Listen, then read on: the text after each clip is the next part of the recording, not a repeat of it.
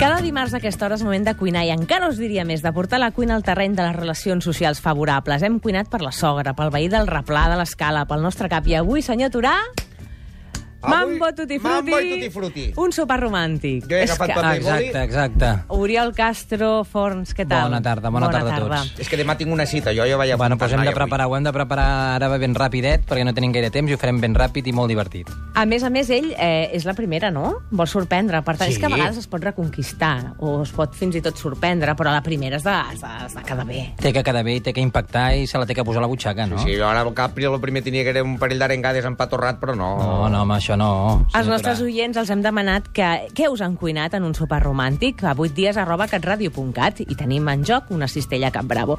Escolta, Muriol, quin menú tenim per sorprendre? Bueno, avui hem preparat un menú lleugeret i fresquet, que som a l'estiu, i perquè, bueno, no se sap mai d'un sopar romàntic com pot acabar això, i ho farem bastant lleugeret. Bé, Eh? bé, m'agrada. Començarem amb una copa de cava, després amb una sopeta de meló amb roses i pomelo, i després acabarem amb un xabu-xabu de salmó. Eh? Clar, que el xabu-xabu és un plat inspirat en Japó que fem a compartir i el fem amb salmó. Normalment a Japó es fan carn, amb carn de Kobe, amb un caldet de, de verdures, i nosaltres el fem amb salmó. Que bé. Home, a més a més és sorpresiu perquè hauràs d'explicar què és un xabu-xabu, Sí. que ens explica l'Oriol tot. Comencem per la benvinguda en copa de cava per calentar Vinga. motors. Jo el que faria per calentar motors, regalar o, o oferir-li a la princesa que tinguis al costat una copa de cava, una copa de cava rosat, no? I acompanyat amb una rosa, no? Algú molt romàntic, una rosa, per anar-nos-la ficant a la butxaca, no? Dir-li, carinyo, vés olorant aquesta rosa i vés bevent aquest cava rosat tan, tan bo que tenim aquí a Catalunya, no? Copa de cava i rosa. I rosa. apunto. Eh? Després seguiríem amb una cosa lleugereta, amb una sopeta lleugereta, que seria una sopeta de meló amb roses i pomelo. Eh? El pomelo, en català que es diu oranja. Oranja. Eh? Jo, precisament, no ho sabia, ho vaig tindre que consultar. Eh? Jo tinc un dubte perquè quan fas un sopar per algú que vol sorprendre, el que vols és no desatendre'l mai. Aleshores, aquesta sopa la pots fer abans, la pots preveure Exacte, deixar aquesta, feta? aquesta sopa la tindríem feta del matí, la tindríem ben fredeta a la nevera, i bueno, és molt senzilleta. Mireu, el que faríem seria agafar el meló, aquest meló que tenim ara de temporada, el pelaríem, el trituraríem sense les llavors i tindríem una sopa molt lleugereta. Mhm. La colaríem per treure la, la, la polpa que pugui tindre perquè sigui més líquida i per una altra banda faríem un suc de pomelo, d'orange, eh? amb un exprimidor, com un suc de llimona o una taronja, doncs el tindríem. Que sapigueu que l'orange és un, un, un cítric bastant amarg, vale? que no us espanteu, però bueno, faríem una combinació que seria 300 grams d'aquesta sopa de meló amb 100 grams de pomelo eh, de l'orange, aquest suc d'orange, i això per un costat. I després li afegiríem el toc màgic, que seria aquest suc, o aquest, perdoneu, suc, aquesta aigua de roses, Sí. que podríeu comprar en tendes de delicatessen, que ens donaria aquest toc sofisticat a roses, aquest glamour, no?, amb la parella, que us la ficaríeu a la butxaca, no? Bé.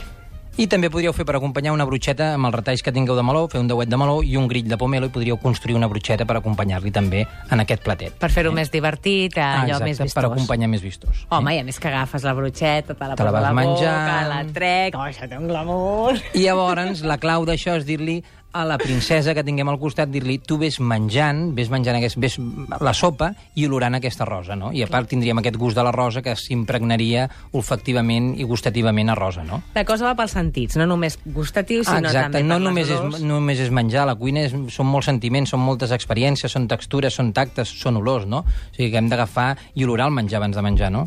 La cuina, sempre que hem dit de l'àvia pel carrer, que fa aquests aromes, aquests, aquests suquets, aquests arrossos, no? L'arròs del diumenge, no? Que passes pels carrers dels pobles i sents aquest Saps què menja cada casa? El que estan menjant. Exacte.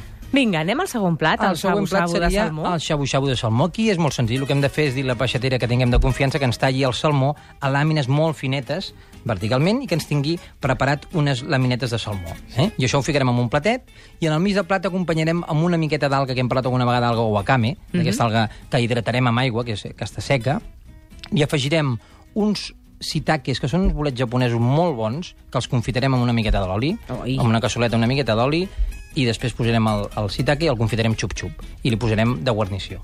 I això ho alinyarem, ho alinyarem amb una miqueta d'oli de gengibre. Eh? Això és molt fàcil. Un oli de blat de moro, podeu xafar, xafar el gengibre, ficar-li a l'oli en una cassoleta i calentar-ho a fer el xup-xup. I tindrem aquest oli, l'oli aromatitzat. Molt bé. Eh?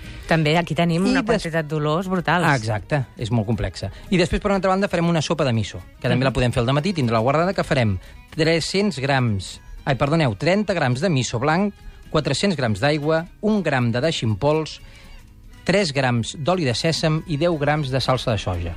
Eh? Això és molt, molt senzillet. Si no, la pots comprar feta, eh? Fins i tot Bueno, sí, la pots comprar, però a vegades podeu anar a la, a la botiga a comprar aquests productes, tindre'ls a casa és molt senzillet i molt ràpid. Eh? Mhm. I aquesta sopa la tindreu feta per un costat i per una altra banda farem una vinagreta que serà de 125 grams de suc de taronja, 125 grams de suc de llimona, 125 grams de vinagre, 375 grams de salsa de soja i 3 grams de taixi. Tot això ho barrejareu i ho acompanyareu. Per un costat tindrem aquest plat amb el salmó, per una altra banda tindrem una cassola amb la sopa de miso, ben calentona, i per una altra banda aquesta vinagreta japonesa. Clar, a més a més, tampoc ho has de preparar abans, ho pots deixar fet. Ah, i exacte. Això és no l'avantatge. Ah, vostè està salivant, eh? Jo estic ja, vamos, que amb aquesta segur que suco el melindro. I llavors la clau d'això és menjar-ho, d'agafar amb unes pinces, molt delicadament aquest, aquest salmó, submergir-lo 3 segons, molt poquet, en aquesta sopa de miso i després passar per aquesta vinagreta. I quan us el mengeu serà super delicat. És una mica, per explicar-ho fàcilment, com es diu, fer una fondí... Exacte, seria com una fondi, però amb un caldo. Ah, això mateix. Això la Mireia l'has clavat aquí És que jo la faig de pollastre, eh? La fas de La pollastre. fondí japonesa, de pollastre amb caldo. De salmó pensa que és boníssim. Clar, a el salmó és un producte que el té una mica de desprestigiat, però és brutal. Clar, a més, Molt poc ha de eh? quedar boníssim. És plispes, el pollastre costa una mica més, però, vaja, amb salmó de ser... I té que ser molt poc fet, ja ho veureu. Jo això. segur que queia. Jo ja t'ho diré demà, la setmana que ve t'ho dic. Bueno, espero que ho provis. Podem Segur, rematar la jugada d'alguna manera, el servir-ho amb alguna manera especial o... Bueno, la clau són, si no teniu, si ho voleu fer amb més, més, gram, més glamour i que tingueu més experiències amb la parella, li podeu donar uns pelillos xinos, Clar.